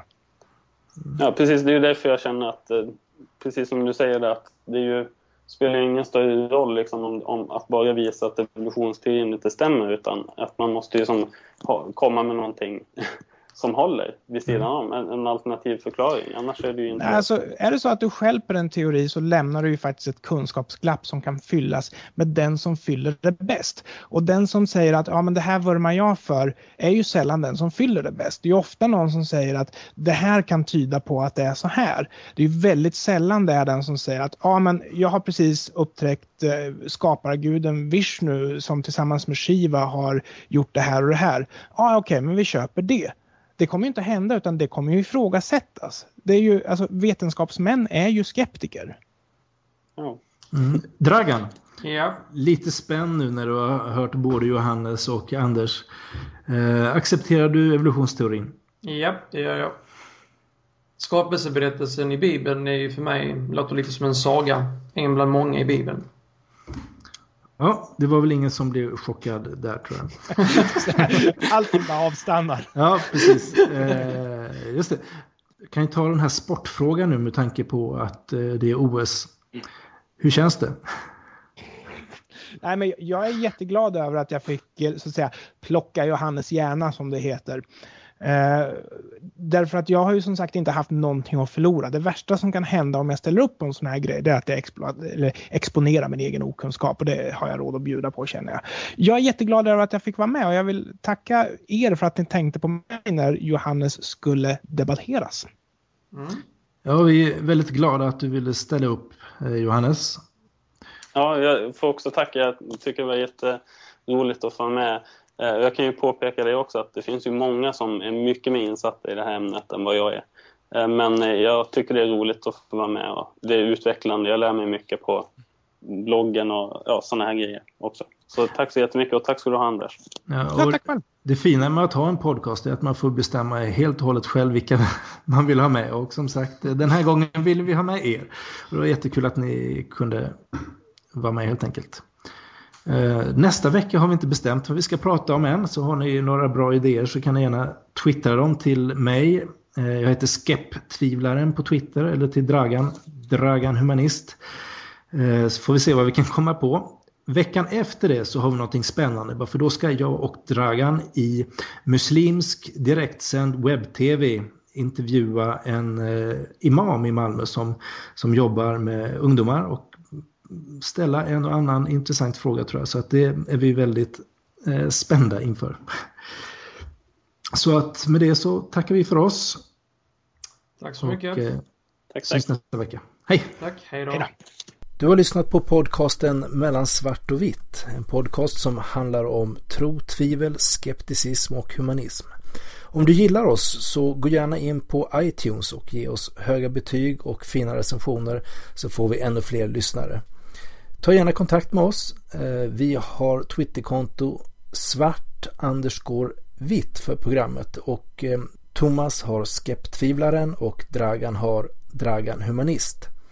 Eh, vi har också en Facebook-sida. Du kan söka på mellan svart och vitt. Vår hemsida har adress mellansvartovitt.se och där kan man också kommentera de olika avsnitten. Och vår jingel är gjord av The Lounge.